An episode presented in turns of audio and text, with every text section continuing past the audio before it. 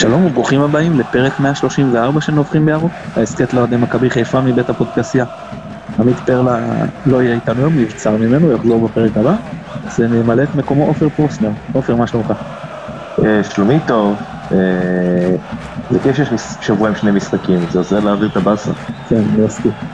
אנחנו אה, לקראת המשחק נגד נתניה שמחים לארח את ניר רוזנטל, אוהד מכבי נתניה ואחראי קשרי קהילה במועדון לשעבר. ניר, מה נשמע? אהלן, שלום, תודה רבה שהזמנתם אותי. שמחים לארח אותך. מצוין. אה, כרגיל נותן לנו את התמיכה הטכנית מאחורי הקלעים יונתן אברהם, אני מתן גילאור, בואו נצא לדרך. ניר, רוצה לנבוח לנו? אמ, תראה, האמת שבתור אורח כאן אז אה, ודאי רוב הפעמים אתם מדברים על דברים שקשורים למכבי חיפה. אני מגיע מהצד של מכבי נתניה, אז ככה שדברים מפריעים לי יותר אצלנו. אני חושב ככה, בנינו קבוצה די חזקה, תקופה האחרונה זה לא מתחבר, המון המון נאיביות, אנחנו נגיע לזה גם בהמשך, אבל אני נמנה כרגע על אה, הרבה מאוד מועדים שלנו שמאוד מתוסכלים איך שהפתיחה התחילה, מקווה שדברים ישתפרו. מקווה בשבילכם. עופר, נביחה? אה, כן, אז הייתי בבלומפילד כמוך, מתן אפילו איתנו לפני המשחק, ובדרך חזרה כשעליתי אל היציע, אל המקום שבו ישבתי, בחור מהאולטראז, שמאוד לא אהב את החולצה שלי, אני לא יודע מה הסיבה. זאת אומרת, אני יכול לנחש מה הסיבה, אבל לא, לא משנה כרגע. כמעט הרביץ לי מכות, דרש ממני להוריד אותה. אה, אנשים ניסו להרגיע אותו, אבל הוא לא הקשיב, התחיל לצעוק, מה שאני עשיתי בשביל מכבי חיפה, אתה לא מבין. ועוד כל מיני שטויות כאלה. אה, אני לא יודע אם הוא שומע או לא, אני מניח שלא. אני רק רוצה להגיד, חבר'ה, עדיין, זה כדורגל. אנחנו כולנו אוהדים את אותה קבוצה, וגם אם לא היינו אוהדים את הקבוצה, לא צריך ללכת מכות. זה גועל נפש, פשוט גועל נפש שאנשים מרשים לעצמם להתנהג ככה, וחבל ש... חבל שזה פשוט קורה. זה... ועוד נביחה קטנה אחת, אה, המשחק הזה הצטרפו אליי, אה, לא קורה הרבה במשחקי חוץ, גם אח שלי וגם אבא שלי, אה, גרים בקריאות בחיפה, בהתאמה, והם לקחו את שירות השאטלים משדה דוב ואמרו שזה עבד כמו שעון, אז מילה טובה לעיריית תל אביב או לבלומפילד או למי שארגן את זה, סחטני, סידרתם את העניין הזה עם, ה... עם החנייה והבלאגנים מסביב האצטדיון החדש, אז כל הכבוד. ואני אתייחס לשני הדברים, אחד מקרה חמור מאוד לדעתי, דיברתי על האלימות כבר ב... גם בפרק הקודם, של איזה גורמים אלימים כלפיך, וציינתי גם את האולטרס של כל אחד מהקבוצות, זאת אומרת כלפי האוהדים שלהם, זה חבל מאוד שזה ממשיך לקרות, וכאילו גם, אה, אה, באמת, אתה יודע מה, אתה יוצא מהמשחק, וכוח השיטור, כאילו חוצץ בין הקהלים, לא נותן לך לעבור, כדי שתלך לאיזה רחוב צדדי, ושם כולם ייפגשו, איפה שהמשטרה לא צריכה להתעסק עם זה. הם לא, אין, אין אבטחה כמו שצריך ביציאה, כאילו אתה מופקר לצורך העניין, זאת אומרת, אתה פשוט לא מעניין אף אחד, הם רוצים אנשים לסיים את המשמרת, ללכת הביתה, וששום דבר לא יהיה רשום על השם שלהם. אני, טוב, נכנסתי כבר באריכות בעבר למה אני חושב על התפקוד של המשטרה באצטדיון לכדורגל. אה, לגבי החלק השני, אז א', נציין שזה היה בשבת. וזה, ואני בטוח שזה משפיע, לבוא למשחק בבנופילד באמצע השבוע, אני מניח שיהיה הרבה יותר קשה. אני באתי שעתיים לפני, אז אפילו היה לי חניה ממש ב... אתה המוסכים שם של שלבים בן צבי, אז יש לי ממש על האיצטדיון, אז אה, מבחינת זה היה לי אה, קל ונוח, והפקקים ביציאה לא היו מאוד נוראים, אה, ועדיין אין מספיק חניה יחסית לאווירה, ואני אפילו לא רוצה להתייחס כרגע לאיצטדיון עצמו, מה שכן המחמאה הגדולה שאני רוצה לתת לעיריית תל אביב, שיש גני שעשועים ממש במתחם המקיף של האיצטדיון, וזה דבר נפלא, שחבל, צריך ללמוד מהם. אם אפשר איכשהו להוסיף כזה גם בחיפה, אתה יודע, יש מספיק מקומות ברחבה הזאת שמקיפה את האיצטדיון, שאני מאמין ש... שאפשר לדחוף שם גני שעשועים קטנים. אתה יודע, איזה מגלשות, נדנדות, מעביר את הזמן לילדים בכיף. במקום, אתה יודע, שמה הם יכולים לעשות uh, אצלנו באצטדיון, אני חושב שהוא יותר טוב, אבל לפחות מהבחינה הזאת, שאפו לעיריית תל אביב. אני אגיד רק שיש גן שעשועים מדהים, אולי חמש דקות הליכה מהאצטדיון בשכונה, אם אתה באמת מנסה. אחד הגנים, ההורים שלי הולכים את האחייניות שלי לשם ואומרים שזה מדהים. תבדוק את זה אם אתה בא עם ילדים פעם הבאה. אוקיי, טוב, אני אעבור לנביכה שלי. מה שאני רוצה לדבר עליו זה ההחלטה של גיא חיימוב לחזור לשחק. אז יש לי פה טענות לכמה אנשים. אחד, זה לחיימוב עצמו. קיבלת מכה כל כך גדולה וחזקה בראש. אל תיקח את הסיכון, זה לא שווה את זה. אתה יודע מה, אם זה היה נגיד שריר או משהו כזה, הייתי אומר, בסדר. אז זה נכון שגם פה יש עניין של אחריות. וזה נכון שיכול לקרות כמו מקרה עם חבשי בשנה שעברה, מחזור 35 נגד מכבי תל אביב, שבגלל הפציעה שלו ספג מושר כי הוא לא רצה להתחלף, ורק אחרי זה הוא התחלף. וזה נכון שפציעה גם יכולה להחמיר, ואז אתה מפסיד יותר משחקים, שזה גם אחריות ש... שאתה רוצה לג...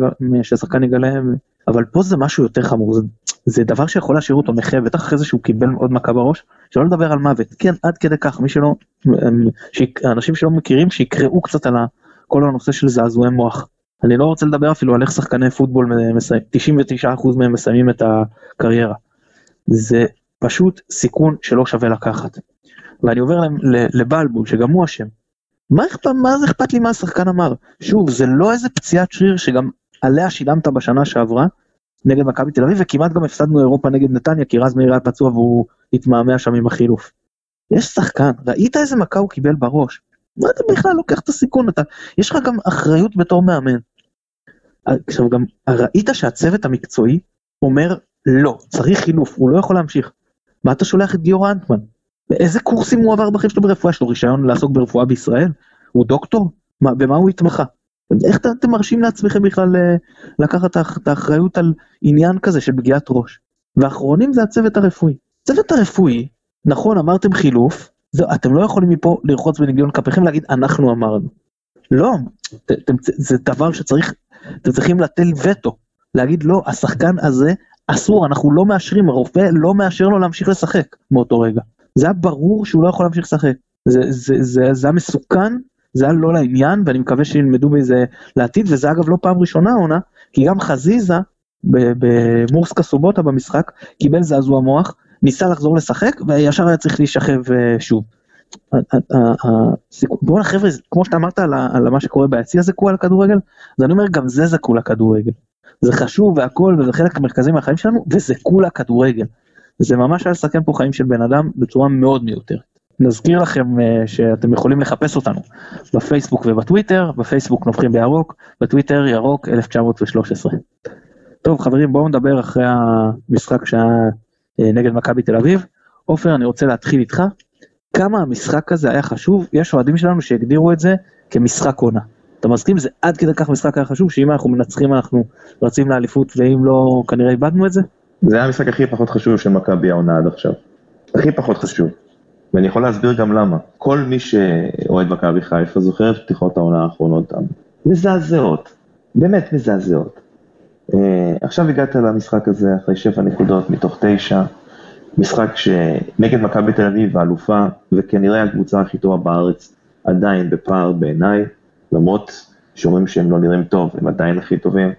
אה, זה לא משחק שנורא כל כך להפסיד אותו, בטח לא שנראית כל כך טוב, עם שתי פציעות שגרמו לך לחילופים אה, אה, לא מתוכננים, עם שוער מחליף ששיחק רוב במשחק, גול בשער עצמי בסופו של דבר. לא נורא שהפסדנו. זאת אומרת, אני מאוד מבואס מזה שהפסדנו, אני לא רוצה להפסיד אף פעם, אני תמיד הייתי מעדיף לנצח, אבל אני לא חושב שאם מישהו אה, היה אומרים לו בתחילת העונה שאחרי מחזור רביעי אנחנו נהיה עם 7 מ-12, לא היה לוקח את זה בשתי ידיים כשהוא יודע שאחד המשחקים האלה זה מכבי תל אביב בחוץ. זה שיש כל מיני אנשים שחושבים שאולי צריך לשחק יותר טוב, אני מסכים איתם, זה שהמשחק הזה בפוטנציאל שלו היינו יכולים גם לנצח אותו, זה מאוד מאכזב, אוקיי? ואני מאוד מאוכזב כי יכולנו לשחק הרבה יותר טוב, יכולנו להיות עם הרכב הרבה יותר טוב, אבל אפשר לדוש בזה זה לא הנקודה. אם אתה מסתכל על זה מבחינת חשיבות, המשחק הזה לא אומר כלום להמשך. המשחק הזה היה עם חצי הרכב, ארבעה זרים בחוץ, זה לא הפוטנציאל שמכבי חיפה יכולה לשחק התקפית, הגנתית, אה, הוא חשף את הבעיות שיש לקבוצה, גם זה שאין בלם על הספסל, אה, גם את שאלת המגן הימני, שאני מקווה שנפתרה אה, אחד ולתמיד, כששחקן שהוא מגן שמאלי תוקף, שהוא באמת טוב ויכול להפעיל לחץ, אה, הראה את ההבדלים בין רז מאיר למגן ימני טוב, ואני חושב שאין יותר מדי מה להרחיב מעבר לזה. מכבי לא התפרקה. אני באמת מאמין שאנחנו, אני לא בטוח מה יקרה במשחק אה, מול נתניה אה, ביום רביעי, אני מקווה שנשחק יותר טוב ממה ששחקנו ביום שבת מול מכבי תל אביב, אבל אני באמת חושב שזה היה המשחק הכי קשה של מכבי העונה. אה, אולי חוץ מהמשחק מול אה, בית"ר ירושלים בטדי. לא, לא כזה נורא שהפסדנו מבחינת האם אתה מסתכל על זה לטווח הארוך. אוקיי. ניר, אה, גם ממה שראית עד עכשיו וגם מהמשחק הזה, אתה חושב שבאמת מכבי תל אביב רמה מעל מכבי חיפה לא יכולה לאיים עליה בשום אופן, או ש... כן יש איזשהו סיכוי, שיפורים, שחקנים חדשים שייכנסו לעניינים, אולי כן אה, לאיים על התואר כמישהו שרואה את זה מבחוץ? תראה, אומנם אני גר בנתניה, אבל יש לנו הרבה מאוד אה, אוהדי מכבי חיפה שגרים פה, ואחד החברים הכי טובים שלי זה אוהד מכבי חיפה שרוף, שנוסע לכל משחק. ואתמול דיברנו על המשחק המשחק של מכבי חיפה מול מכבי תל אביב, והסכמנו שמכבי תל אביב בנויים בצורה כזאת שהם לא מלהיבים, הם לא יותר מדי אטרקטיביים, אבל ברגע שהם שמים את הגול הראשון, מאוד מאוד קשה לך לרדוף אחריהם, יש להם הגנה מאוד חזקה, הם יודעים לשמור על יתרון, בסופו של דבר השער שלהם היה די מקרי, כלומר לא איזשהו מהלך כדורגל גדול, אבל לא היה יותר מדי ספק, שוב, אני ראיתי רק את המחצית השנייה, כי אני חזרתי מהמשחק שלנו מול כפר סבא, אבל אומנם מכבי חיפה החזיקה בכדור, הניעה, הגיעה למצבים, אבל כצופה מהצד, נטול רגש במשחק הזה, זה הרגיש לי שגם אם זה יימשך עוד שעתיים, מכבי תל אביב לא יקבלו, לא יקבלו גול במשחק הזה.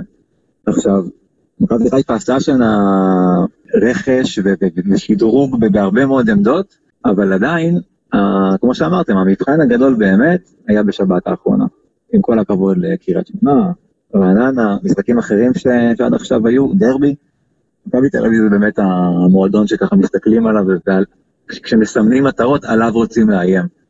ויחד עם זאת, הייתי דווקא לוקח משם הרבה נקודות חיוב, חיוביות, כי זה לא שמכבי תל אביב ככה דרסה. לא, זה היה משחק שיש מצב שבעוד כמה חודשים יסתיים אחרת, שחיפה טיפה יותר תתחבר, כי חצי קבוצה בעצם חדשה שם. לא יודע, אני, אני לא רואה את זה בצורה מאוד מאוד קודרת כמו שאולי אתם רואים את זה, אני יודע שזה היה המשחק הכי קשה שלכם עד עכשיו, אבל יש הרבה מה לקחת חיובי דווקא, בעיניי. טוב, לדעתי, אני חושב שהמשחק חלש מאוד שלנו, בעיקר התקפית. אפס מצבים אמיתיים, איכותיים, אה, קצת בעיטות מחוץ לרחבה, גם לא מאוד נוחות, קרוסים מהצדדים, הגענו למצבים שהשחקן יכול להכניס את הכדור בצורה נוחה, אבל ה execution היה חלש מאוד, חסר, חסר שחקנים, חסר מי שיבנה את ההתקפות כמו שצריך, אה, שחקנים לא בעמדות שהם צריכים לשחק בהם, אני חושב ששרי נגיד, לא, אני יכול להיכנס גם לדברים ספציפיים, כמו למשל ששרי שחקן שלדעתי חייב להיות על המגרש, או שרז, אני חושב שמבוקה עדיף על רז מאיר כמעט בכל אספקט של המשחק, כאילו התקפית הוא לא, הוא לא, גם לא, לא ייצר שום דבר, והגנתית הוא פשוט סבורית התעלל בו. זהו, זה- איכשהו צריך לראות איך מכניסים את פוקס כדי לפנות את נטע לביא קדימה יותר, אלא או שבלבול יחיד בכלל שהוא לא רוצה אותו בהרכב, אבל לפחות אני מקווה שיהיה לנו גרזן אמיתי, אנחנו לא שם, אני חושב שהפערים עדיין עם מכבי תל מאוד גדולים, אמנם גם הם לא הגיעו להרבה מצבים נגדנו, כי גם הם באו באופן מסוים לנטרל, אבל הם כן עשו את ה... אני אומר גם מעבר לשער, שהוא לא היה מצב שלהם, כן הגיעו לכמה מצבי איכות, הנגיחה אני חושב שהייתה של דור מיכה, תקנו אותי אם אני טועה במחצית הראשונה, אני כבר הסתובבתי כאילו, אני ראיתי כדור בפנים, רק אח- אחרי זה פתאום הסתובבתי חזרה, ראיתי שהכדור יצא החוצה, לא, לא האמנתי. לנו לא היה מצב אה, איכות כזה, שאתה אומר לעצמך וואו איך זה לא נכנס. זהו עכשיו גם לא הרגשתי שאנחנו בתור אחד שבא לאצטדיון לא הרגשתי שאני. שפה האצטדיון מאיים עליי או שיש לו איזושהי השפעה גדולה אולי תמרץ את השחקנים שלהם אני לא יודע ובכל זאת כאילו השחקנים שלנו לא הם, הם לא נראו מבוהלים ומנטלית הם באמת יצאו יפה הפיגור הם לא התרגשו מזה והמשיכו לשחק וכן ניסו במחצית השנייה בעיקר כשמכבי תל אביב הלכו יותר אחורה כן להניע כדור כן למצוא את הפרצה אבל האיכות לא שם ואני לא מדבר רק על האיכות של השחקנים אני מדבר על איך שהקבוצה מתפקדת זה פשוט לא קורה. אני אעבור פה. אבל לשאלה, מתן, לשאלה, לא ענית על השאלה. אתה חושב שזה נורא שהפסדנו? זה לא אז- כזה גרוע. אז אה, קודם כל עניתי על השאלה שאלתי לגבי כמה אנחנו קונטנדרים שאני חושב שאנחנו לא. אה, לא אני לא חושב שזה כזה נורא אני חושב שבלאו הכי אנחנו לא מתמודדים על האליפות אני חושב שזה נכון שזה מבאס יותר מ... אתה יודע נגיד הפסד בית לרעננה במחזור הראשון. אבל מבחינת השפעה על הקבוצה הפסד במחזור הראשון אם לא היינו חוזרים זה היה הרבה יותר גרוע. הרבה יותר להתחיל בהפסד ומול קבוצה קטנה ובבית כאילו השוק שזה היה גורם פה באת הפסדת הפסד אין כזה דבר אצלנו להפסיד בכבוד גם תיקו מול מכבי תל אביב הוא לא דבר שמתקבל בהבנה זה קבוצה שאתה בא ואתה חייב לנצח אבל זה, זה, זה לא טרגדיה כאילו, אתה, זה לא כמו מבחינתי התיקו בדרבי הרבה יותר כואב הרבה יותר כואב. מסכים מה- לגמרי. מה- מסכים לגמרי. מההפסד- הזה. אה, אז באת בסדר, קבוצה יותר טובה, במשחק חוץ, שהם כבר קבוצה רצה ואתה עוד איכשהו בסוג של, אצלנו כבר אסור להגיד בנייה, כן, אבל סוג של איזשהו אה, תהליך גיבוש של שחקנים שהגיעו מאוחר, אני חושב שכמו שאמרת, עם הרכב אה, לא טוב, ובכל הדברים האלה, אז לא שחקת טוב, הפסדת כאילו מינימלי, אבל בסדר, הפסד, הפסד מקובל, לא, לא, באמת לא משהו שצריך להתרגש ממנו, משהו שנלקח בחשבון, לצערי, ב, ב, בשלב הזה, וממשיכים הלאה. אני אגיד לך יותר מזה, גם אם נעשה תיקו מול נתניה, שוב, זה יהיה מצער, זה יהיה מעצבן, זה לא תהיה טרגדיה. כמו שאמרתי, את, את, כמו שאמרת ואמרתי והסכמת, התיקו בדרבי זה באמת היה. זה משחק של, כאילו, אתה יודע, גרר אותי למטה יומיים. פה לא, זה, זה, דפדפתי את זה די מהר, מן הסתם, כי היריבה היא לא הפועל מבחינת דבר ראשון. לא שני לעשות, אתה צריך להודות שהיא קבוצה יותר טובה ממך.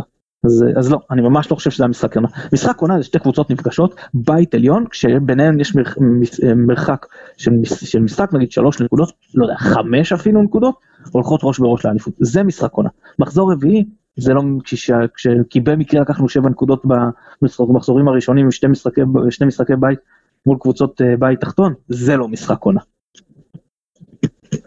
אה, שואלים אותנו, אה, שואל אותנו ניצן הראל, אז עוד מעט נגיע לשאלה שלו לגבי נתניה, אבל אני מתחיל עם השאלה שלו שהוא שואל על חיימוב, אז הוא רוצה לדעת, הוא אומר אם החילוף של חיימוב היה מוקדם יותר, זאת אומרת כבר בפציעה, אם עדיין אנחנו חושבים שג'וש כהן גם היה מקבל את השער הזה, ואם זה היה פוגע לו בביטחון העצמי, ואז גם היינו מפסידים אותו גם לקראת המשך המשחק, גם לקראת המשחק הקרוב, וגם בדעת הקהל שלא ידוע בסובלנות הרבה שלו כלפי שחקנים.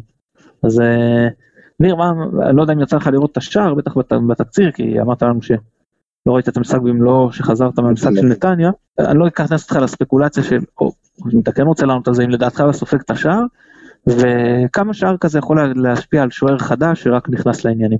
אה, תראה, את השער אני ראיתי, זה לבוא ולהגיד אם הוא היה 100% פיט, אם הוא היה מקבל את זה או לא, זה כבר ספקולציות, זה כן כדור ששינה כיוון מאוד מקרוב, הוא כן הגיע אליו, זה דברים שהם מאוד קשה לנו לדעת, אה, אולי הוא כן היה עוד יפות יותר חזק ולא ככה מתגלגל לתוך השער. לגבי, ה... לגבי החילוף, אני חושב שהוא היה חייב להחליף אותו אגב, כלומר באמת, אם זה חוזרים בעצם למה שנאמר כאן בהתחלה, אין באמת מקום להתעסק עם פגיעות ראש. זה, לא משנה אם יש לך שוער שני על הספסל, זה, הוא עדיין שוער של, של מכבי חיפה, שוער של ליגת העל, יש סיבה שהוא נמצא שם, הוא אמנם מחליף, אבל מצב של פציעה, תכניס את השוער, להתעסק ב... אם הוא יבוא עם ביטחון או לא, או לא יבוא עם ביטחון. שוער שני מגיע למשחק, צריך להתכונן כאילו הוא פותח, זה חלק, מה... חלק מהעניין לדעתי, חייב היה להיכנס.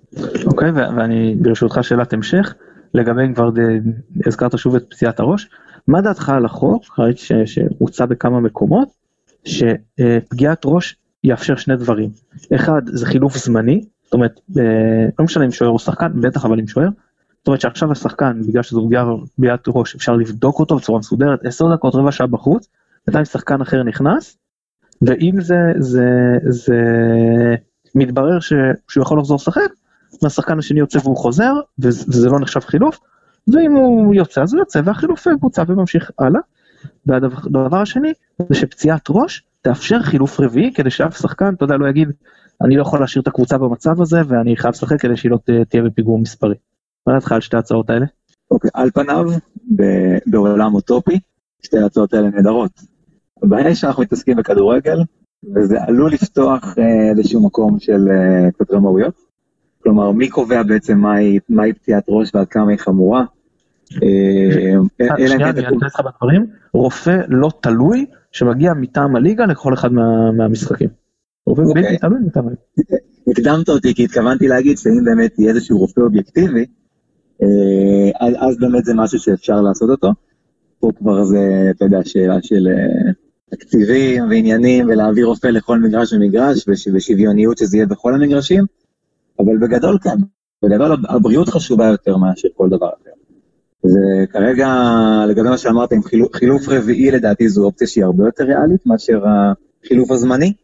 זאת אומרת ששחקן יצא ויחזור במידה והוא בסדר, כי לדעתי, אם זו פגיעת ראש, אז אין מה לשחק. יש הרבה מאוד פגיעות ש, ש, ש, שבזמן המשחק, גם אם עושים אלף בדיקות עצביות כאלה ואחרות אה, ויזואליות, יש איזושהי פגיעה שאנחנו, שאנחנו לא יודעים אותה, ואני חושב שרופא שבאמת, הדבר שהכי חשוב לו, ודיברתם קודם על פוטבול, שם זה הדוגמאות הכי טובות, כי שחקנים מסיימים קריירה והם נראים הרבה פעמים כמו מוחמד עלי, הם קשה להם לתפקד והם לא מסוגלים ללכת. אז אני חושב שבמצב של פגיעת ראש, אם שחקן באמת מרגיש שהוא לא, אם, אם, אם יש ספק אין ספק, אם הוא לא בטוח במאה אחוז שהוא יכול לחזור, שלא יחזור, אם אחרי זה יגלו בבית חולים שאין לו כלום, לא קרה שום דבר, עדיף על הסיכון, עדיף על, על המצב ההפוך. עופר, מה אתה... כן, אני רוצה להוסיף. ואני רוצה גם שתגיד מה דעתך מג'וש כהן, איך התרשמת ממנו. אז קודם כל אני אגיד שאני, ג'וש כהן הוא אחלה, משחק ראשון, אה, לא היו הרבה הזדמנויות, אבל אלה שכן היו נגדו הוא עצר טוב. אני מאוד שמח ש... שהוא עלה לשחק במקום חיימוב בעקבות הפציעה הזאת, כי אסור שהיה חיימוב אישה, אני מסכים עם, עם שניכם. והבאת שוער, הבאת שוער שחקן רכש, אפילו שהוא לא זר, אבל עדיין. תן לו לשחק באופן כללי, אני תמיד מאמין בדבר הזה, אבל אני רוצה להגיד משהו אחר, קודם כל בקשר להצעה של החילופים. אה, אני חושב שהמקרה הספציפי של פגיעת ראש הוא, הוא מאוד מיוחד, זאת אומרת זה לא דבר שקורה הרבה, יחסית לפציעות אחרות, ואני רוצה להגיד על זה שני דברים. אחד, בפוטבול שהזכרתם מקודם, יש מה שנקרא אה, פרוטוקול זעזוע מוח, שאומר שאם יש חשד לזעזוע מוח, השחקן הזה יוצא אה, לרבע הזה, אה, פוטבול משחקים ברבעים, אז עד סוף הרבע, ואם יש זעזוע מוח או משהו כזה, אז גם כל המשחק הוא לא ישחק. זאת אומרת, זה, זה, זה חוק, ואי אפשר לעשות את זה. רופא בלתי תלוי או תלוי, אני לא, לא נכנס לדבר הזה, זה מישהו שיודע יותר ממני ומבין. אני די בטוח שרופא, אה, יש לו אחריות קודם כל לשחקנים, ו, ולכן אם יש זעזוע מוח, שיוציאו אותו בלי קשר לכלום. עכשיו לגבי החילוף הרביעי, או חילוף זמני, או כל דבר אחר, אה, אחת הבעיות של כדורגל באופן כללי, זה שהחוקים בו נקבעו לפני המון המון המון שנים. והרבה מאוד מהחוקים האלה לא מתאימים אה, למציאות היום. אה, היה לנו דיון היום על חוק הנבדל בעקבות כתבה של מיכאל יוחין, לא ניכנס לזה עכשיו, אבל הנקודה היא שיש שינויים שצריכים לקרות כבר הרבה מאוד זמן. פעם היו משחקים 30 משחקים בעונה, 35 משחקים בעונה. היום קבוצות יכולות לשחק גם 50 ו-55 ו-60 משחקים בעונה, ועזוב משחקים של נבחרת, משחקי גביע, העומס על השחקנים הוא עצום, כמות הפציעות היא הרבה יותר גדולה. יכול להיות שיש אה, מקום לא רק לעשות אולי עוד חילוף אקסטרה במשחק, אלא אפילו לעשות חילופים שהם יותר דומים לכדוריד או כדורסל, ששחקנים נכנסים ויוצאים, כי העומס הוא כל כך גדול. אני חושב שמה שצריך לקרות זה איזושהי בחינה של, של הדבר הזה, אה, רשויות בפיפ"א או, או משהו כזה, שכן, זה קצת יהרוס את האופי של הכדורגל.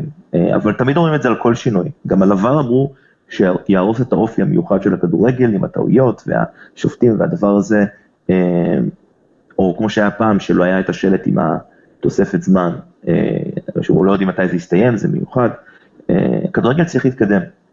הוא צריך להתקדם והוא צריך קודם כל לדאוג לשחקנים שמשחקים. כי פציעות כאלה הורסות את הכדורגל. ישבנו כולנו, בעצ... כולנו, אני ומתן, ישבנו וראינו את הפציעה של חיימוב, וראינו את הצוות רפואי מסמן שהתחלף, והיה ברור לכל, לכולם שהוא אמור להתחלף. אני באמת לא מבין איך הדבר הראשון, בכל, כל, כאילו, אם זה היה פציעת רגל, שובר את הרגל שלו, אז לא היו חושבים לשנייה אה, לשאול אותו אם הוא יכול להישאר. ואם זה היה פציעה, שובר יד, או משהו אחר, לא, פציעת ראש, אין דם כנראה, או לא יודע מה, אז לא מוצאים. אפשר, אה, שואלים את השחקן אם הוא בסדר, שזה בלתי, נתפס בעיניי. אה, צריכה להיות אחריות כלפי השחקנים, הם לא, הם לא צד בדבר בכלל. אה, אני באמת מתקשה להבין את כל הסיטואציה הזאת, ואני חושב שכדורגל צריך להתחיל להתקדם ולראות איך הוא שומר על השחקנים בצורה יותר טובה ומונע את הפציעות האלה, כי הן פציעות קשות ובאמת אה, מאוד מאוד מסוכנות, מאוד מסוכנות. אמנם כדורגל הוא ספורט הרבה פחות מסוכן מפוטבול למשל, אבל עדיין אני לא אשכח את הציטוט למשל של גבריאל בטיסטוטה שסיפר איך אחרי הקריירה הוא ביקש מאחד המנתחים שלו על הרגל שיכרות לו את הרגל מרוב כאבים. אנחנו נוטים לזלזל בפציעות של כדורגל לפעמים, או שאנחנו חושבים, תקום, תקום, תקום, אבל אה, השחקנים האלה מסיימים את הקריירה שלהם אה, בשן ובעין המון פעמים. אה, וצריך לשמור עליהם הרבה יותר טוב. טוב, בוא נעבור, אני רוצה קצת לתת לך להוציא קיטור. בעונה שעברה, אתה היית יותר לחץ ממני, גם אני בגדול חשבתי ככה שבלבול לא היה האיש המתאים. אבל אני גאה להכריז ששנינו טעינו. הוא הוציא את הקבוצה ממצב מקצועי ומנטלי קשה, הביא אותה לאירופה, גרם לו לשחק כדורגל הרבה יותר טוב, הייתה, היה מערך יחסית קבוע ברוב המשחקים, הוא החיה כמה שחקנים שבאמת היו ככה אה, לכיוון מטה. באמת, מגיע לו, מגיעים לו הרבה, הרבה מאוד אה, שבחים ומחמאות על העונה שעברה, אבל עכשיו הגיע הזמן לקחת את מכבי צעד קדימה, והשאלה אם מרקו בלבול יכול לעשות את זה. וכשאתה מסתכל על משחק הזה, שאתה אומר לעצמך, גם ההחלטה לגבי אה, חיים, אבל היא, פח, אבל היא פחות העניין המקצועי. גם המערך, השחקנים, החילופים, אתה אומר, אני מוציא כבר בלם, האם מקסים פלקוצ'נקו, שלדעתי לא הראה במכבי שום דבר שמצדיק ש, שזה יהיה השחקן ההכרעה שלך שתכניס אותה בפיגור עכשיו נגד מכבי תל אביב, כאילו עוד קשר שהוא פליימקר, היית צריך כאילו שחקן שימדה את ההתקפות ועדיין. אה, אז, מה, אז, אז זה היה השחקן הנכון להחליף, וכשהכנסת את שרי, זה היה נכון להוציא את, אה, את שואה, דווקא את החלוץ שלך, וכשאתה נמצא בפיגור, יחסית בדקות אחרונות של משחק כבר, 20 דקות אחרונות, ויש קרן ליריבה, ובכל זאת אף שחקן, אפילו לא רוקאביצה עם המהירות שלו, לא נמצא על החצי או קרוב אליו. אני, מה, איך, איך אתה רואה את כל ההתנהלות הזאת שהיא, לא יודע, שואלים שקוראים לה פחדנית, לא פחדנית, אבל היא, היא מתאימה, היא משהו ש, ש, שיכול לקחת אותנו לשלב הבא? אה, אה, תלוי מה השלב הבא, אתה יודע. אה, מעבר למקום שני זה כאילו אליפות, כן? אולי מקום שני במקום 35 הפרש, 25 לא, הפרש. ברור שאני מדבר על, על, על מאמן שיכול אה, לקחת את הקבוצה על מאבק על האליפות ושחס ושלום אף אחד לא יפרש את זה שאני עכשיו קורא לפיטורי בלבול או משהו כזה ממש לא אני במכבי היה רק מאמן אחד שחשבתי שצריך ללכת הביתה וזה באמצע העונה וזה גיא לוזו. אז אני אגיד לך את זה ככה אני מאוד לא רוצה שבלבול יפוטר ולא מאהבת בלבול כי אני חושב שהוא לא מאמן מספיק טוב אלא כי אני רוצה קצת יציבות. נמאס לי שכל שנה מחליפים מאמן או שניים או שלוש או ארבע או חמש זה משגע אותי. זה לא הקבוצה שאני רוצה לראות. ואני גם נותן לבלבול את הקרדיט שהוא הצליח להוציא את הקבוצה מהבוץ והוא מכין את הקבוצה בדרך כלל טוב. אני לא חושב שהוא מאמן טוב כמו שמכבי חיפה צריכה. אני לא חושב שהוא מאמן שיכול לקחת לנו את הצעד הבא. אני לא חושב שהוא, גם המציאות לא מוכיחה שהוא מאמן כל כך טוב, בעיניי. אבל אני אגיד לך מה הבעיה פה, אני לא אגיד שזה פחדני, כי אני לא מתיימר לנתח, אולי אני עושה את זה ב... לפעמים שאני מתעצבן, בטוויטר וכאלה, אבל אני יותר רגוע פה, עברו, עברו יומיים מהמשחק. הבעיה עם בלבול, שלפחות לפי החילופים שלו במשחק נגד מכבי תל אביב, וגם לפי ההרכב, הוא לא הלך בכל הכוח על ניצחון. עכשיו, אני אסביר לך למה אני מתכוון. מכבי לא קבוצה טובה הגנתית, ואתה לוקח בחשבון, שזה די מדהים שזה לא קרה כל משחק העונה, שאתה מתחיל כל משחק במינוס שער, ועם חצי אדום לחבשי. בטח במשחק הזה, אוקיי? חבשי עם צהוב מוקדם כבר לא יודע כמה זמן. אז עכשיו השאלה היא מה אתה עושה.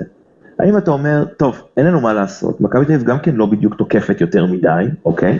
אז בוא לפחות תנסה ללחוץ, נחטוף שער, כנראה שנחטוף. אז חטפת כבר את השער. אין לך כבר מה להפסיד. זאת אומרת, זהו, אתה חייב להבקיע. ובלבול לא עשה את מה שהוא צריך לעשות בשביל להבקיע את השער הזה. זאת אומרת, החילוף הזה של פלקוצ'נקו היה חילוף שאומר, אני מנסה לשמור על המצב הקיים. עכשיו זה חילוף שאתה עושה כשאתה מוביל 1-0. גם לא מאוד אוהב אותו, כי זה קורא לקבוצה היריבה לתקוף אותך, אבל לא כשאתה בפיגור. מכבי תל אביב סגרו את המשחק. כמו שאמרת, לא הגענו למצב אחד איכותי, וזה היה ניסיון להרגיע, אבל לפעמים מאמן גם צריך לדעת לא רק להרגיע, הוא גם צריך לדעת להטריף. הוא צריך לדעת להכניס את השחקנים שלו לטירוף כזה של יאללה בואו נרוץ ונפקיע. ואין את זה לבלבו. אתה לא רואה את זה קורה אצלו. זאת אומרת, הוא, הוא, לא, הוא לא שם. עכשיו, אתה יכול להתווכח עם זה, נגיד, על המשחק של 4-3 מול רעננה, שבאמת הקבוצה חזרה מפיגור, וככה וככה, אבל זה לא היה בלבול.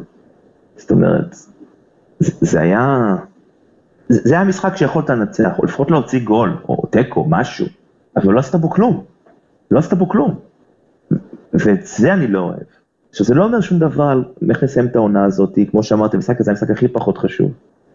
אבל שאלת אם המשחק הזה היה חשוב למכבי חיפה, אז אני רוצה להגיד לך שהוא לא היה חשוב למכבי חיפה. אבל אתה יודע למי הוא כן היה חשוב? הוא היה חשוב למכבי תל אביב. הוא היה חשוב למכבי תל אביב כי אם אנחנו נבוא למשחק הזה של מגרש מלא וכל הקהל, והם עוד לא ניצחו בבלומפילד, ומצליחים לנצח את המשחק הזה, מכבי תל אביב היו נכנסים לבלבלה. אני באמת מאמין בזה. גם ככה הם, הם באיזה סיטואציה לא טובה שם, יש משהו שעובר לא טוב, דיבורים וסדרות חינוך וכל הדברים האלה. יכולת פה לתת מכה, ולא ניסית אפילו. פשוט לא ניסית, וזה מה שמבאס. וזה מה שמפריד בין בלבול למאמן טוב באמת. יכול להיות שהוא טוב, יכול להיות שכל מה שאמרתי עליו וכתבתי עליו היה לא נכון, אבל הוא לא, אין לו killer instinct, וזה משהו שמכבי חיפה צריכה אם היא רוצה לקחת אליפות. טוב, אני אמרתי, אני חושב שבלבול הוא לא... הוא טוב, כמו שאמרתי בקיץ, אני לא חושב שהיה נכון שהוא ימשיך. אה, הוא כן עשה את השינוי והיה מצוין שנה שעברה, השנה זה פחות עובד, אבל אני מודה עדיין שהוא, שנקרא, הוא לא מגדולות הבעיות במועדון. אה, כרגע זה פחות משנה, לא רואה מאמן שכן ייקח, אה, אולי אתה יודע מה, אבל קשה לראות מאמן שכן צריך לקחת אליפות אצלנו, אנחנו באמת במצב טיפה יותר טוב, אבל עדיין קשה לדעתי, לפחות בסטנדרט שלנו. זהו, אז, אז טוב, אני לא נחזור על דברים שכבר נאמרו בעבר אה, פעם או פעמיים, אבל, אבל כן לבלבול מגיע לא מעט ביקורת על, ה, על המשחק האחרון, ומאוד נקווה שזה, שהוא ידע להפיק את הלקחים, ואולי כמה שחקנים שממוסמרים להרכב, אתה יודע מה, חלקם אפילו שחקנים שאני חושב שצריכים להיות בהרכב, אבל לא נורא אם יראו איזה משחק שניים בספסל. בטח עכשיו אם אנחנו רוצים לעשות, אה, אם, אם, אם אין אם זה לא יזיק, סליחה, בטח עכשיו, אם זה, זה בטח לא יזיק לעשות רוטציה במשחק שמשחקים שני משחקים בשבוע, יש לזה יתרון מבחינת פציעות, מבחינת עייפות, מבחינת uh, מתח מנטלי, זה, זה לא יהיה רע. Uh, עוד משהו שאתם רוצים להגיד לקראת המשחק אה, נגד מכבי תל אביב, כי באמת, דיברנו על העניינים המקצועיים החשובים, ואין הרבה יותר מדי מה לנתח מעבר, כאילו אמרנו שזה היה משחק חלש במקרו, לא ירדנו לעניינים במיקרו, כמו, לא יודע, אשכנזי שנראה פחות טוב ונטע לביא שזה לא העמדה שלו שיש ו, ולא תהיה ועוד כהנה וכהנה ואופיר רד שלדעתי פתח את העונה לא טוב, בסדר, לא, לא רוצה עכשיו לעבור שחקן שחקן. או שאנחנו עוברים לדבר על נתניה? בואו נדבר על נתניה. אז יאללה בואו בוא נדבר עליהם, לפני שניכנס לפן המקצועי, אז נעבור לכמה שאלות מהאוהדים, אז אה, ניר, נפנה לך את השאלה, שאלה ששואל אה, ניצן הראל, אז הוא רוצה לשמוע על קשרי האוהדים מההנהלה במכבי נתניה, במיוחד לאור ההתרחשות בזמן האחרון שבמכבי הפסיקו להתייחס לאוהדים כאוהדים והתחילו להתייחס אליהם כלקוחות. זה שאצלנו היחס לאוהדים לא ממש טוב, איך זה אה, מבוצע בנתניה, גם מבחינת המועדון, מה, מה העבודה שהמועדון מבצע בתור מי שעשה את זה בעבר, וגם היום איך אתה מרגיש בתור אוהד עם היחס שאתה מקבל מההנהלה. אמ, אוקיי, אז אני אתחיל ואומר שמכבי נתניה הוא מועדון שבעצם היחיד בליגת העל שאנחנו מגדירים אותו, כלומר אנחנו, אולי מדבר כאילו אני חלק מהמועדון, כן? אנחנו מגדירים אותו כמועדון בבעלות, בבעלות אוהדים. ולמה? כי אייל אוהד, אוהד שרוף של הקבוצה, שהרבה לפני שרכש את הקבוצה היה יושב ביציע, נותן כסף ומתעקש שאיש לא יזכיר אותו, וגם רוב האנשים בעצם בארץ לא שמעו את השם אייל סגל בתחום הכדורגל עד שהוא רכש את המועדון בקיץ 2016, אחרי הפירוק. וכתוצאה מכך בעצם המועדון מתנהל בצורה שהיא, אני לא אגיד אה, קטמון, כן, כי האוהדים אה, ככלל לא רוכשים מניות ותומכים, אבל אייל מסתכל על המועדון כמועדון שבניהול אוהדים בגלל שהוא אוהד. כתוצאה מכך, כל בעלי התפקידים במועדון אלה אנשים שיש להם זיקה למכבי נתניה, הם אוהדים של מכבי נתניה,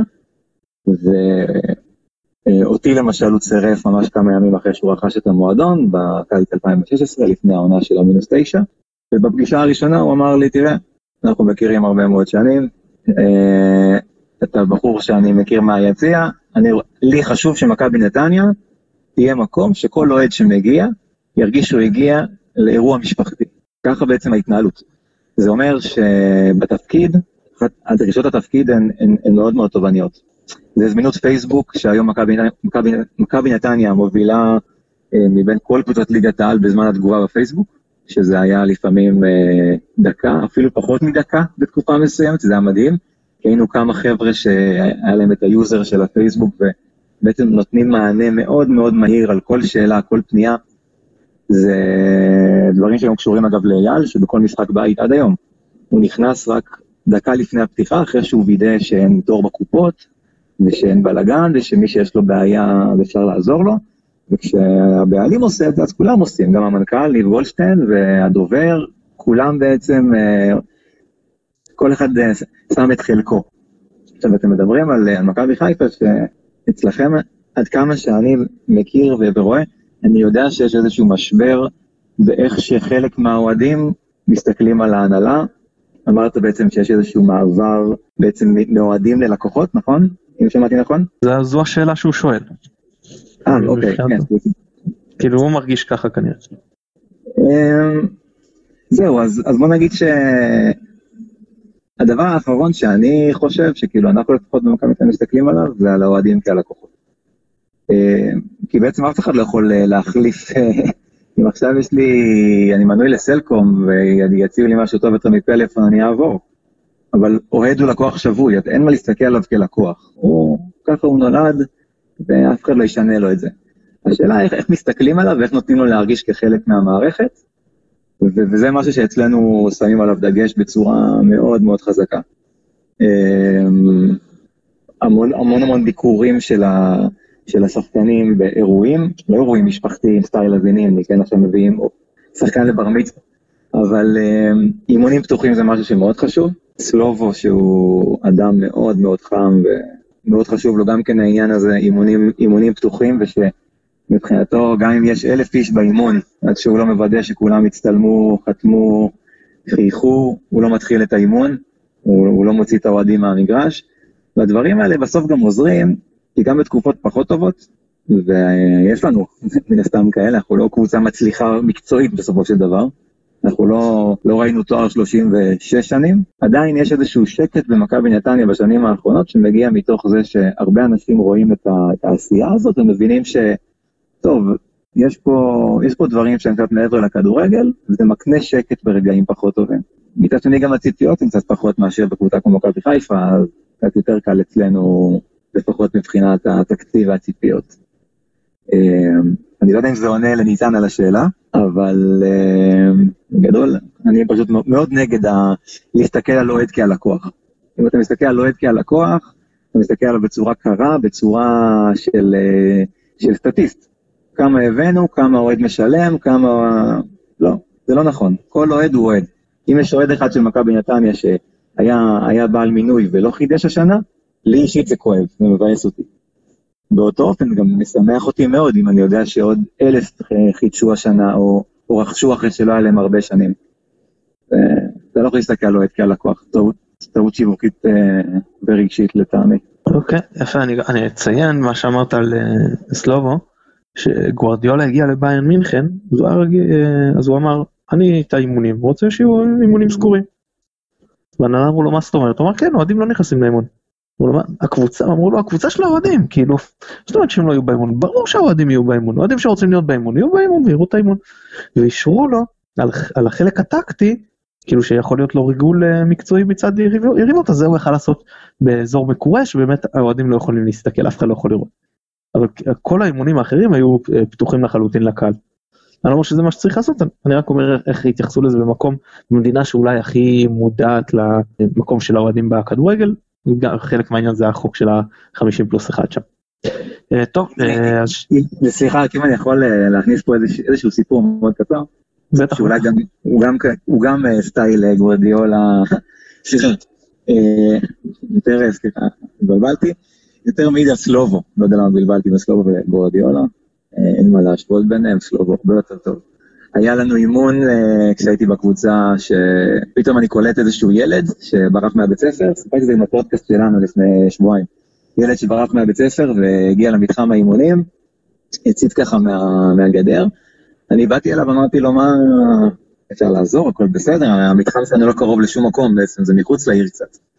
והוא אומר, כן, ברחתי מהבית ספר, אני חייב להצטלם עם השחקנים, אמרתי לו, תראה, יש לנו אימונים פתוחים אחר הצהריים, אה, זה לא, עכשיו זה פחות מתאים, וסלובו ככה צעק לי, סיפרתי לו את הסיפור, אמר לי, תביא, תביא את הילד פנימה. הכנסתי את הילד, ילד אולי בן עשר, סלובו הביא אותו לעיגול האמצע, קרא לכל השחקנים לעיגול, אמר להם, תראו, הילד הזה ברח מבית ספר כדי לראות אתכם. עד שהוא לא אומר לי שכולם הצטלמו וחתמו לו, אני לא ממשיך את האימון. עכשיו, זה משהו ש... אתה מסתכל, ווואלה, זה עשה לי צמרמורת. כאילו, אתה רואה עד כמה הבן אדם מבין את, ה... את הפרויקט הזה שהוא חלק ממנו, מבין את החשיבות. אין לי ספק שהילד הזה, אם לפני כן הוא היה אוהד נתניה, טוב, בכלל המועדון הזה מהווה עבורו משהו שהוא, בטח כשהוא חוזר הביתה, מספר להורים שלו, אולי הוא יגיד להם שהוא שהוא ברח מבית ספר, כן? אבל לפחות הקטע הזה, וזה משהו שככה מאוד ריגש אותי, וזה זה אולי קלישאה, אבל זה באמת הרבה יותר חשוב מהכדורגל. וזו המחויבות הזאת שאחר כך בעצם מייצרת את, ה, את האקסטרה מייל הזה, שהקהל שלנו קצת נותן יותר שקט בזמן האחרון. לדעתי הכל מתחבר בסוף. אני איתך, התפיסה שלי את הכדורגל היא מאוד ציבורית קהילתית, ומבחינתי זה דברים כאלה שווים יותר מאוד ניצחון. שואל ג'ק ביבי רציתי, אז יש לו כמה שאלות, אז אחד הוא שואל, האם מודל שני המאמנים באמת עושה לכם טוב? אוקיי, okay, אז זה משהו שבעצם מבחינת הנראות, אז כולם מדברים על זה שאוקיי, חצי ראשון אה, סלובו עומד על הקווים, חצי שני שי מחליט אותו. אבל בתכלס, הסיבה היחידה היא רק שמותר רק למאמן אחד לעמוד. אבל את ההחלטות הם מקבלים ביחד. אין שם איזה עניין שאם עכשיו זו המחצית של שי, אז uh, סלובו יושב כמו אוהד ביציע. הם מדברים כל הזמן, גם בחצי הראשון, גם בחצי השני, זה נטו עניין של נראות. אין שום, אין שום אלמנט אחר חוץ מהדבר הזה. כלומר, זה משהו שאני שומע המון פעמים, אה, שלמה שרף נגיד, שהוא מדבר על זה, ואומר, מה זה, זה שכונה, או זה, אבל זה שטויות. גם כששואלים אותם בראיונות, הם תמיד אומרים את זה. זה משהו ששניהם מקבלים את ההחלטות ביחד, ויש המון המון המון כבוד והערכה ביניהם. שי יש לו, שי מביא הרבה מאוד אלמנטים של הבנה בכדורגל, של, של דברים אנליטיים, של מספרים, של, הוא ממש כמו איזה דוקטור לסטטיסטיקה ונתונים. סלובו, יותר האיש עם הרגש, אם יש לו הבנה בכדורגל כמובן, אבל המון רגש, המון ככה לדעת איך לגעת בכל שחקן ושחקן, ושחקנים נלחמים בשבילו, הם, הם משתלבים ביחד. אני גם חושב שבסופו של דבר, כל אחד מהם אולי באיזשהו שלב גם יפנה לאיזושהי קריירה משל עצמו, אבל כבר הרבה מאוד שנים שהם ביחד, וזה עושה להם טוב, הם, הם כמו זוג נשוי. זה, זה יכול לעבוד לדעתך במועדון יותר אה, גדול, יותר לחוץ? מאשר כן, מכבי נתניה? תראה, קודם כל, אני, אתה יודע, אני אגיד לך שמבחינתי מכבי נתניה זה מועדון שהוא אה, בתהליך של גדילה. אנחנו אמנם אחרי הרבה מאוד שנים ללא הצלחה, אבל המטרה היא כן, כן למצב את עצמנו כמועדון גדול, אבל אם נשים את זה רגע בצד, וברור שהיום אנחנו לא ב-level לא של חיפה, לא של מכבי תל אביב, לא של באר שבע, הם הצליחו בביתר, הם הצליחו בענק, וזה מועדון עם לחץ, אולי, אולי המועדון הכי מלחיץ להיות בו על הקווים, בטח שהם היו שם בתקופה שטביב היה בעל הבית, והם עשו שם עונה גדולה, הם לא, הם לא המשיכו רק בגלל חילוקי דעות עם, אה, עם אלי טביב. לראיה, אגב, עד היום, בכל משחק שלנו מול ביתר ירושלים, הקהל שלהם מעודד את, אה, את שי וסלובו, בוא נגיד שאני לא זוכר הרבה מאמנים של, של ביתר מצליחים בזמן הכהונה שלהם על הקווים קיבלו כזה עידוד. אז אני חושב שכן, לחלוטין, הם יכולים להצליח בכל מועדון. אוקיי, אה, השאלה הבאה שהוא שואל, אותו ג'ק, הוא שואל מה יש לאייל סגל נגדם, במכבי חיפה? אה, אוקיי, אז אנחנו קצת דיברנו על זה לפני ההקלטה, אבל באמת שאני לא חושב שיש ל... אני יודע שאין לאייל משהו נגד מכבי חיפה. אני קורא וככה עוקב אחרי הרבה מאוד קבוצות אוהדים של מכבי חיפה, בתור אה, קורא ואינו נראה, נגיד וככה, כי אני לא מגיב שם. אה, וראיתי את זה, ראיתי את זה אצל לא מעט אוהדים של מכבי חיפה שכותבים, על סגל סימן אותנו, או יש לו משהו נגדנו, אני באמת לא חושב שזה קיים, כלומר, אני יודע שכשלמשל דיברו על trade עם ניקו אולסטאק, או, או שהיה את העניין עם ההשאלה של שון וייסמן, או, היו כל מיני דברים שכאילו גרמו, או, או גורמים לפעמים לאוהדים מבחוץ, לחשוב שאייל הוא הוא קצת אה, יהיר, מתנשא. כי כשאייל הגיע למכבי נתניה הוא אמר שיותר אין דבר כזה שמכבי נתניה תשאל שחקנים מקבוצות אחרות. והוא לא עמד בזה בשנה הראשונה. כלומר לקחנו בעונה של הלאומית את אה, שון וייסמן ואת אה, גלאזר בעונה השנייה, וזה אחר כך, כלומר מאותו רגע הוא אמר טוב, ניסינו, אומנם לא עמדתי בזה, אבל מעכשיו אני אעמוד בזה. והיו כמה הצעות של מכבי חיפה להעביר שחקנים בהשאלה למכבי נתניה, כי נתניה סירבה, ואני חושב שאולי זה, זה נתפס אצל כמה מועדי מכבי חיפה כאולי שחצנות של כאילו מי זו מכבי נתניה שתסרב לקחת בהשאלה, היה דיבור על רועי קיאט וסן מנחם, וברח לי עוד, עוד, עוד שחקן שדובר עליו, אבל אולי משם זה הגיע, אבל באמת שעד כמה שאני יודע אין שום דבר בדברים האלה. אוקיי, ושאלה אחרונה מהמגיב הזה, איך מרגיש לכם השידור, לך, השילוך עם אה, בני לם שעבר לאמן בנוער שלנו? בני, אני מכיר אותו אישית. אה, אחד מאנשי הכדורגל הכי אמוציונליים, וזה לא סוד, כן? לא צריך להכיר אותו כדי לדעת את זה. אה, בני היה שחקן עבר במכבי נתניה, ואומנם אני לא... הייתי מאוד קטן כשהוא שיחק, אבל הרבה, הרבה מהאוהדים שקצת מעליי בגיל מאוד מאוד uh, מכבדים, סוגדים לבן אדם על דברים שהוא עשה על המגרש, אבל בתקופות שלו כמאמן, רוב השנים שלו הוא לא היה במכבי נתניה. הוא היה בטוברוק, שזה מועדון שלא ביחסים הכי טובים עם מכבי נתניה. היה לו בשנים האחרונות כמה שנים שהוא היה במחלקת הנוער של מכבי נתניה, לפעמים כמנהל מקצועי, וגם עונה אחת או שתיים, אני לא טועה, כמאמן קבוצת הנוער עצמה.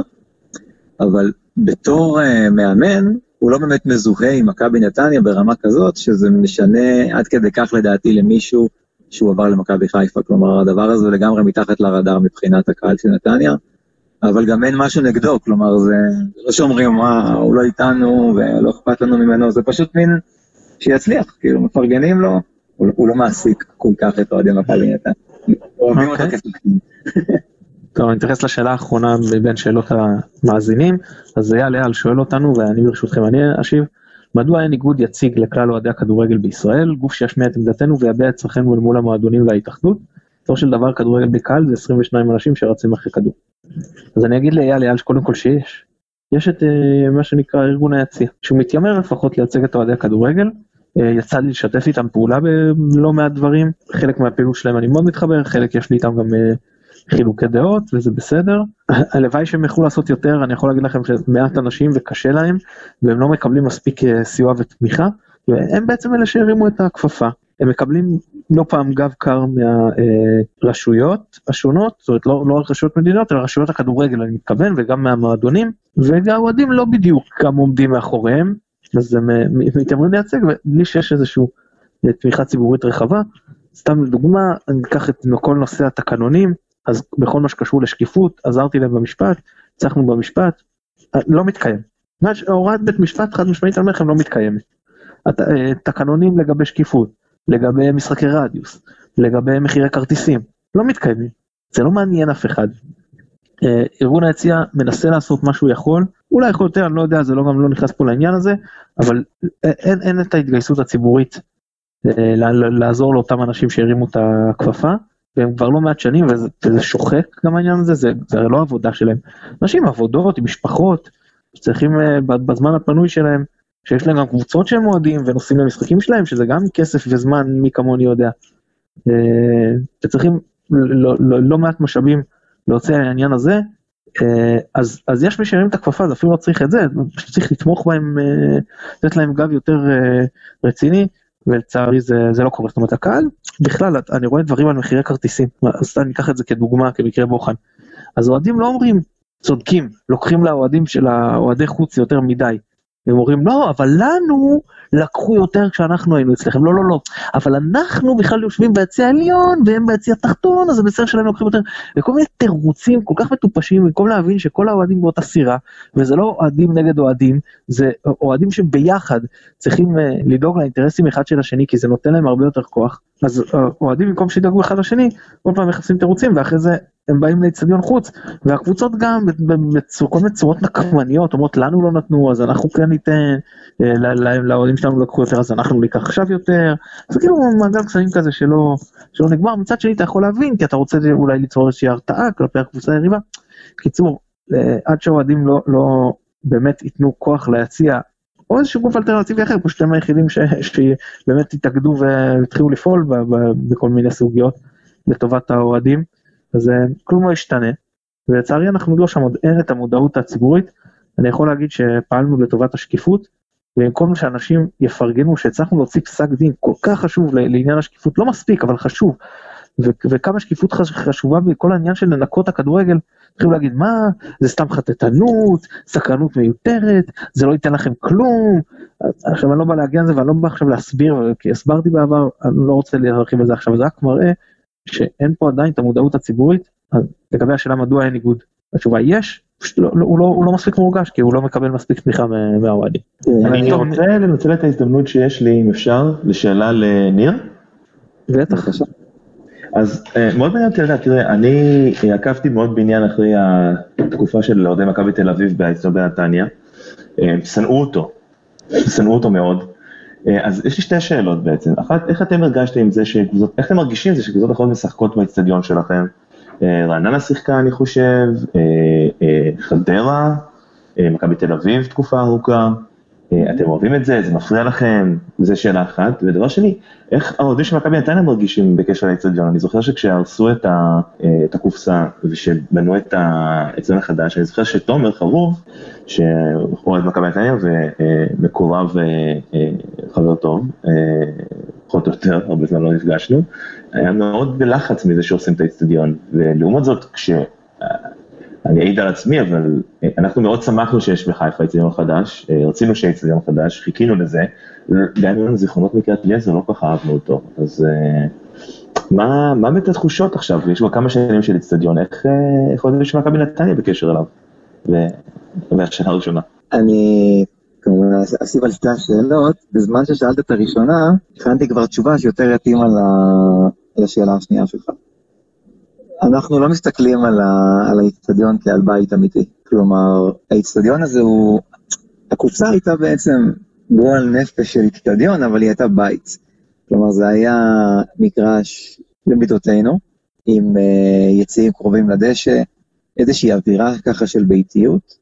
והאיצטדיון החדש, אנחנו קוראים לו היהלום, בשם הרשמי זה איצטדיון נתניה. אבל כל אחד וה... והכינויים שלו, אבל זה גם איזשהו ניסיון שלנו לייצר זיקה כלשהי, הוא לא ביתי, הוא העתק ככה של, של טדי של לפני השיפוצים שהוסיפו את הצפוני והדרומי, ושל המושבה, ועוד איזשהו דגם די דומה, לא, לא מאוד קרוב לדשא, גדול על מידותינו, כי היינו מאוד מאוד שמחים אם היינו יכולים אה, להביא כמות אוהדים כמו של מכבי חיפה, מכבי תל אביב, נגיד באר שבע למשל, קיבלו אצטדיון שבעיניי הוא חלום של כל אוהד של קבוצה בסדר גודל שלנו. כלומר, גם אם, אה, גם אם טרנר יהיו בו 6,000 צופים, עדיין תהיה בו אווירה טובה יותר מאשר האצטדיון שלנו עם 10,000. הסגירה מכל הכיוונים, הקרבה לדשא, זה בדיוק האצטדיון שרצינו. הרגיש שבנו לנו אצטדיון שהוא הרבה יותר אה, משהו שהעירייה תתגאה בו, מאשר, אה, מאשר איצטדיון ביתי עבור מכבי נתניה. עכשיו, וזה גם די עונה על השאלה הראשונה, לא באמת מפריע לנו שמכבי תל אביב מארחת שם, מלבד סיבה אחת, זה שהאיצטדיון מאוד קרוב לקריית השרון, שזו שכונה חדשה בנתניה, יחסית חדשה, כן, כן, עשור וחצי, וזו שכונה שרוב מי שגר בה זה תושבים חדשים בעיר. אה, הרבה זוגות צעירים, יש שם בתי ספר, המון ילדים, ובשנים הטובות של מכבי תל אביב שם, אלה היו השנים הרעות מאוד של מכבי נתניה, וחששנו ככה מהתבוללות, נגיד את זה בעדינות. ילדים שהרבה יותר כיף להם לבוא לראות את אה, מכבי תל אביב, ולא את הקבוצה של נתניה שמתפרקת בעונה עם אוסידון, או קבוצה בליגה שנייה. זה ככה מה שהפריע לנו. פחות השימוש במתקן, כי המתקן, אנחנו מסתכלים עליו כאילו אנחנו שוכרים אותו מדי פעם, וקבוצה אחרת שוכרת אותו בפעם, בפעמים אחרות. סמי עופר לעומת זאת, אה, אמנם זה גם אתם וגם הפועל חיפה, אבל זה הרבה יותר שלכם, וגם אתם קבוצה בסדר גודל שמתאים. קודם כל היציאים על הדשא, הסגירה הזאת מסביב של ה-360, זה דברים שמוסיפים הרבה מאוד לאווירה. בנתניה זה קצת הולך לאיבוד, וזה מאוד חבל לי. זה פחות ביתי ממה שרצינו שזה יהיה. אני, אגב, אשמח, אני לא יודע אם יש זמן, אבל אני מאוד אשמח כאילו להגיב למה שנאמר פה קודם, על מה, ש, מה שדובר בעצם עם, ארגון היציע. ארגון היציע, ארגון שהפעילות שלו היא מבורכת. יש שם את uh, שי גולוב שמנהל את העניינים, ואנחנו בקשר טוב ומנסים כל פעם לחשוב על, על דרכים איך לשפר דברים, ודווקא כשהייתי בתוך המועדון, גיליתי איך הרבה מאוד מהמועדונים בישראל עובדים, ואז הבנתי ככה כל מיני דברים מבפנים, נגיד את זה דיברת על זה שכשקבוצה מגיעה למשחק ונגיד אה, משלמים 90 אה, שקל, הדבר שרוב האוהדים אומרים, אה, כשהם יבואו אלינו אני מקווה שגם להם ייקחו 90. במקום שיבואו ויגידו, רגע, לקחו לנו 90? אוקיי. קודם כל, זה המועדון שיחליט מי לוקח, מי, אה, המועדון יחליט כמה הוא לוקח במשחק הבא, זה בכל מקרה לא הולך מהכיס הפרטי שלי, ובואו נקווה שהמועדון שלי יהיה הביגר פרסן ויקח את הסכום הנמוך, ואולי ככה נפתור את זה. כי מה שעושים היום, אוהדים רבים עם אוהדים אחרים, ובסוף המועדונים הם, הם אלה שגוזרים את הקופון. יש עכשיו בגרמניה מאבק נגד המשחקים בימי שני. אה, הבונדסליגה, כמעט כל המשחקים הרי זה בשבת, שעה ראשית, עוד אחד בשישי ועוד אחד בשבת בערב, ועכשיו הוסיפו משחק ביום, אה, ביום שני בערב, וכל משחק שמשוחק בשעה הזאת, אוהדי שתי הקבוצות מוכ, אה, מוחים כנגד ההחלטה. יש שם סולידריות, וההחלטה הזאת אולי גם בסוף תיפול, אני מאוד מקווה בשבילם, כן? ההחלטה נפלה. ההחלטה נפלה? הייתי בטוח כן. שהיום יש משחק. יש משחק היום, אבל הם הם חושבים לחוזה טלוויזיה למשך שלוש שנים, והודיעו שמהחוזה הבא זה כבר לא יקרה. אז אני, אז, קודם כל אני לא ידעתי ואני שמח שאתה מעדכן אותי וזה, בדיוק מוכיח את, הטענה שאמרתי שאוהדים כש, כשהם מתאחדים, אמנם הכוח, הכוח, הכוח של הקהל בגרמניה הוא גדול יותר, אבל, אבל גם בארץ יש לנו הרבה דברים שאנחנו יכולים לעשות בתור אוהדים, וזה קודם כל, אני אוהד מכבי נתניה, אתם אוהדי מכבי חיפה, יש לנו הרבה יותר במשותף מאשר בנפרד, חוץ מהעובדה שאני רוצה שאנחנו ננצח ואתה רוצה שאתם תנצחו, זה לגיטימי. אבל בהרבה מאוד דברים, אני קלטתי שלמשל, כשאנחנו באים למשחקים בסמי עופר, תוקעים אותנו גם במשחקים מול הפועל חיפה ביציע באלכסון בפינה. כשקבוצות מגיעות למשחק מול מכבי נתניה, גם כשהיציע המערבי ריק לגמרי, שמים את האוהדים האורחים בפינה למעלה. ואז שאלתי וגיליתי את התשובה, גיליתי אותה מהמועדון שלנו, אמרו לי תראה, ביציעים הפינתיים יש פחות תאי שירותים, יש פחות מטר רבוע של ניקיון אחרי המשחק, וזה עולה פחות. כלומר השיקולים האלה, שזה, שזה חיסכון של עוד כמה אלפי שקלים, הם, הם הדברים שבסוף גורמים לאוהדים לראות משחק מזווית פחות טובה. ובמקום שבו סופרים אוהדים, הדברים האלה לא אמורים לקרות. אין שום סיבה שאנחנו נוסעים למשחק מול בני יהודה בשבוע שעבר לבלומפילד ריק, ואנחנו יושבים מאחורי השער. אני אישית אוהב את הזווית של מאחורי השער, כן, אבל רוב האנשים מעדיפים לראות משחק אה, מהאמצע. וזה מתחיל מהדברים האלה. והייתי מאוד שמח שאוהדים ככה יותר יתאחדו ויעשו דברים ויבינו שהחוויה הזאת שייכת לכולנו. וזה זה לא מספיק קורה. יש מי שמרוויח מהפילוג הזה בין האוהדים, וחבל. טוב בואו נתקדם ונזדרז כי כבר באמת הארכנו אז בקצרה אם אתה יכול לדבר איתנו על נגיד עיקרי השינויים המקצועיים שעברו על מכבי נתניה ולקראת אה, אה, יום רביעי הרכב אה, משוער שאתה חושב שיעלה. טוב, אז בעצם אה, מי שהצטרף אלינו השנה הגיע, הגיע בלם ספרדי בשם אה, רומן גולוברט, בעצם ראש בראש במקום בלם קרח גבוה אחר, ברנקו ורגוץ שעזב. אה, הגיעו שני מגינים שמאליים, שזה תורג'מן ובורחה הררה, מגן ספרדי, במקום אה, טוויטו ובורנשטיין, שהעמדה הזו של מגן שמאלי עמדה שהרבה מאוד זמן במכבי נתניה לא מוצאים את, ה, את השחקן המתאים. באגף ימין אין שינויים, כלומר אה, ויקי כחלון או זבידת. בעצם הרכש העיקרי שהגיע אלינו השנה זה שניים, זה רועי קהת, שהגיע ממכבי חיפה, והצוות מאוד בנה עליו, אני אישית קצת פחות, ובינתיים עד עכשיו הוא נראה אכן אה, חלוד, ואלמוג כהן, שבעיניי זו, זו בעצם החתמה שהיא הרבה יותר אמירה, כלומר יש לו הרבה, הרבה יתרונות מקצועיים, אבל זו, זו החתמה שהיא הרבה יותר אמירה מאשר אה, כיוון מקצועי, כי היה מאבק גדול שלא ידעו אם הוא יגיע לנתניה, אולי, אולי להפועל באר שבע, קיבל שם הצעה גבוהה יותר, בסוף הגיע למכבי נתניה, וזה משהו שגם ככה מסמן את, ה, את העתיד לדעתי, הרבה שחקנים ירצו לבוא, אנחנו יודעים שאלמוג אה, מושך שחקנים יחד איתו, בחלק הקדמי, בית שיראי נשאר, שזה חשוב, מלמד, אה, יש לנו שם את אה, מלאדה, את היקה, גבי קניקובסקי כמובן, ששחקן אה, אהוב עליי במועדון, ילד דתי, חמוד, עובד קשה על המגרש, מבשל, קילר אמיתי. לגבי הרכב שיפתח, אני מעריך שזה יהיה פחות או יותר ההרכב ש... שעלה בשבת האחרונה, שזה דני עמוס בשער. אולי יש שינוי בעצם בעמדת המגן הימני, לדעתי ויקי כחלון שקצת אכזב לא יפתח, ובמקומו יפתח אה, מוחמד זבידת. הבלמים שלנו כרגע זה גולוברט הספרדי, ודולב אזולאי, שחקן שאגב התחיל במכבי חיפה, היום הוא שחקן של מכבי נתניה. אה, בלם צעיר שלא היה אמור לקבל הרבה דקות השנה, אבל פציעה של אה, טים אויבך בעצם גרמה לו לפתוח מתחילת העונה, והוא מאוד מפתיע לטובה עד עכשיו. בצד שמאל זה יהיה או הררה או תורג'מן, הם ממש עושים ביניהם משחק משחק מתחילת העונה, אז אני לא יודע להגיד לכם, משחק אחרון הררה פתח, ככה שיש יש סיכוי טוב שתורג'מן יהיה זה שישחק ביום רביעי. בקישור זה יהיה אלמוג, לידו אני מעריך סתיו פיניש או אביב אברהם, אחד מהשניים. אחר כך יש את השלישייה שזה היקה, קניקובסקי וגיא מלמד, ובחוד זה בית שיראי. זה להערכתי ההרכב ככה פחות או יותר. חוץ מאשר המגינים, אני לא רואה הרבה שינויים שאמורים להיות. אוקיי ואני אשאל אותך תן לי מצ'אפ שאתה חושב שיהיה לרעתכם במשחק. ומצ'אפ שיהיה לזכותכם מה אני אעשה לך קל אני אחזור אליך בשאלה הזאת בינתיים תחשוב על מצ'אפ שאתה חושב שהוא פועל שהוא המצ'אפ מפתח לטובתכם על אחד שהוא יהיה לרעתכם, ואני אעבור לעופר קודם, אז אה, עופר לגבי מצ'אפים, בוא אנחנו מתחילים עם, אה, בוא נדבר איתך רגע על הבלמים, אז סיינסבורי פצוע, גרשון פצוע, אה, זה אומר שחבשי וירד נגיד 99% פותחים, אצל לכאורה זה מסמן לנו קו 4, אי אפשר לדעת את זה בלבול, פתאום שי בן דוד יכול להצטרף לפתוח בעוד בלם, אולי נטע לביא לרדת להיות בלם ופוקס אה, ייכנס להרכב. בכל זאת, כשאנחנו יודעים את זה, כשאנחנו מניחים ששרי יחזור, לא יודע, רז מאיר כן ימשיך כימני, יעבור שמאלה ובכלל לא יהיה בהרכב. אתה מסתכל על נתניה, הרכב שניר אמר עכשיו, איזה מצ'אפ אתה מזהה פה לטובתנו, איזה מצ'אפ אתה מזהה פה לרעתנו. הכל קשור לאיזה הרכב אה, בלבול יעלה, אני חושב. גם, בוא, בוא, בוא נודה על האמת, אם אנחנו, באמת סיינסבורי אה, יהיה פצוע, אה, פצוע, בטוח שהוא פצוע? בטוח, שבועיים בחוץ. שבועיים בחוץ, אוקיי, אז אה, אני מעריך שהוא, מה שבלבול יעשה זה לא יחרוג מתבנית שלושת הבלמים שלו, פשוט יוריד שחקן מהקשרים הקשרים האחוריים לעמדת הבלם, אולי הוא ינסה אפילו את פוקס, כי זה מה שבלבול נוטה לעשות.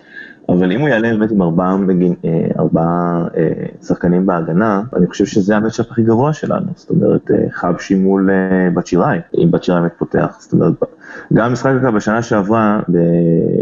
ביהלום, בת שיראי היה מצוין אם אני זוכר נכון, אפילו שלא הובקעו בסוף שערים, הוא היה מאוד מסוכן.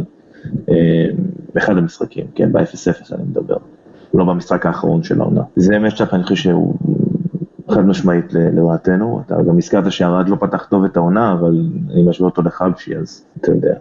מצ'אפ לטובתנו, אני חושב שאם שרי באמת יפתח, וזה אם גדול, כי אנחנו באמת לא יודעים מה עובר לבלבול בראש, אז אני חושב שלא משנה מי יעלה מולו, זאת אומרת, אה, אה, אה, ניר, איך אמרת קוראים למגן הימני של אה, מכבי נתניה שיעלה בשבת? בשבת זה היה ויקי כחלון, אבל לדעתי הוא יפתח עם אה, זבידת, לדעתי. כן, אה, אני די בטוח שאם באמת שרי יתמקד בצד השמאלי במשחק, אה, אני די בטוח ש... לא משנה אגב מי זה יהיה, לא כחלון ולא זבידת, אה, זה מצ'אפ שמשחק יותר את מכבי. אה, אני מודה, אני לא מכיר כל כך את מכבי נתניה, גם החליפו הרבה שחקנים יחסית, אה, לא ראיתי את המשחקים שלהם העונה עד עכשיו, אה, אבל באמת ש... מהצד זה נראה שזה יותר תלוי באיזה הרכב בלבול יעלה מאשר מצ'אפים ספציפיים. טוב, ניר, אני חוזר אליך עם השאלה. אוקיי, אז שוב, מבחינתי גבי קניקובסקי זה השחקן שלי, אז בכל משחק אני אלך איתו כנקודה של יתרון, אז הוא בדרך כלל מגיע מהאגף, הוא מחליף מדי פעם גם אגף שמאל וגם אגף ימין, זה מדי פעם יהיה מול רז מאיר, או באגף שמאל במכבי חיפה זה סן מנחם פותח. אנחנו ננחש שזה זה מה שהיה במשחקים האחרונים, אנחנו ננחש שזה ימשיך. כן, אז אני מניח, לדעתי אגב שניהם מגינים הגנתית, ש... שדווקא יהיה לו, יהיה לו קשה איתם, אבל uh, הוא מאוד זריז, הוא לא מפחד. Uh, לדעתי זה, משם, מהמקומות האלה, רוב המצבים שהגענו אליהם השנה היו דרכו, אז uh, לדעתי זה, אלה המקומות שאנחנו יכולים uh, להפתיע בהם. החיסרון הגדול שלנו השנה, ואני קודם באתי ודיברתי על אלמוג, אבל הקישור האחורי שלנו לא מספיק טוב בינתיים. ונוצר המון פעמים בור בין שני קווים, כדורים שנכנסים בין הקישור האחורי, בין הבלמים, ואני חושב ששם המקומות שדווקא למכבי חיפה יש מספיק שחקנים שבטח אם שרי יפתח, זה מקומות ש... שיכולים אה, מאוד מאוד לפגוע בנו. אין לנו מהירות יותר מדי בחלק האחורי. כלומר, אה, גם שני הבלמים שלנו לא, לא מספיק מהירים, גם, אה, גם הצד השמאלי, כלומר, בצד ימין יש מהירות, אבל פחות תחכום. אני חושב שכדורים שייכנסו בין הקישור האחורי לבלמים יעשו לנו המון המון בעיות. טוב, הארכנו מספיק, אז אני, אני אשמור את הניתוחי המקצועיים שלי לקראת המשחק לאחריו, אה, ובואו נעבור להמר. אז מחזור רביעי, מחז... יום רביעי, שעה שמונה ורבע, אצטדיון אבירן, מכבי מערכת מכבי נתניה, ניר תן לי תוצאה. 2-0 חיפה. עופר תוצאה? 2-2. טוב, אני יודע שיש כמה אוהדים בטוויטר שלא אהבו את זה שאני לא מהמר תמיד בעד מכבי, אבל עד עכשיו בארבעת ההימורים שלי צדקתי, אני מצטער חברים, אני לא מהמר על מה שאני רוצה שיהיה, אני מהמר על מה שאני חושב שיהיה, זה לא שהשחקנים מקשיבים לי והם מושפעים ממני באיזושהי אה, דרך, זה סתם בשביל הספורט והכיף. אז אני הפעם מהמר על אחד אחד. ניר, המון המון תודה שהתארחת אצלנו. תודה רבה, נהניתי מאוד, תודה רבה שהזמנתם אותי. בשמחה. עופר, כיף ששוב הגעת ומילאת את המקום של עמית שבתקווה יחזור אלינו ואולי אפילו תצטרף אלינו כשהוא יחזור. אה, תמיד כיף להיות פה, אה, תודה רבה אה, לכולם, וניר היה כיף אה, שהתארחת. תודה, תודה לכם, באמת איתי. איכשהו נודה ליונתן נודה ליונתן אברהם שנותן לנו את התמיכה הטכנית מאחורי הקלעים. אני מתן גילאור, תודה רבה שהאזנתם, ביי ביי.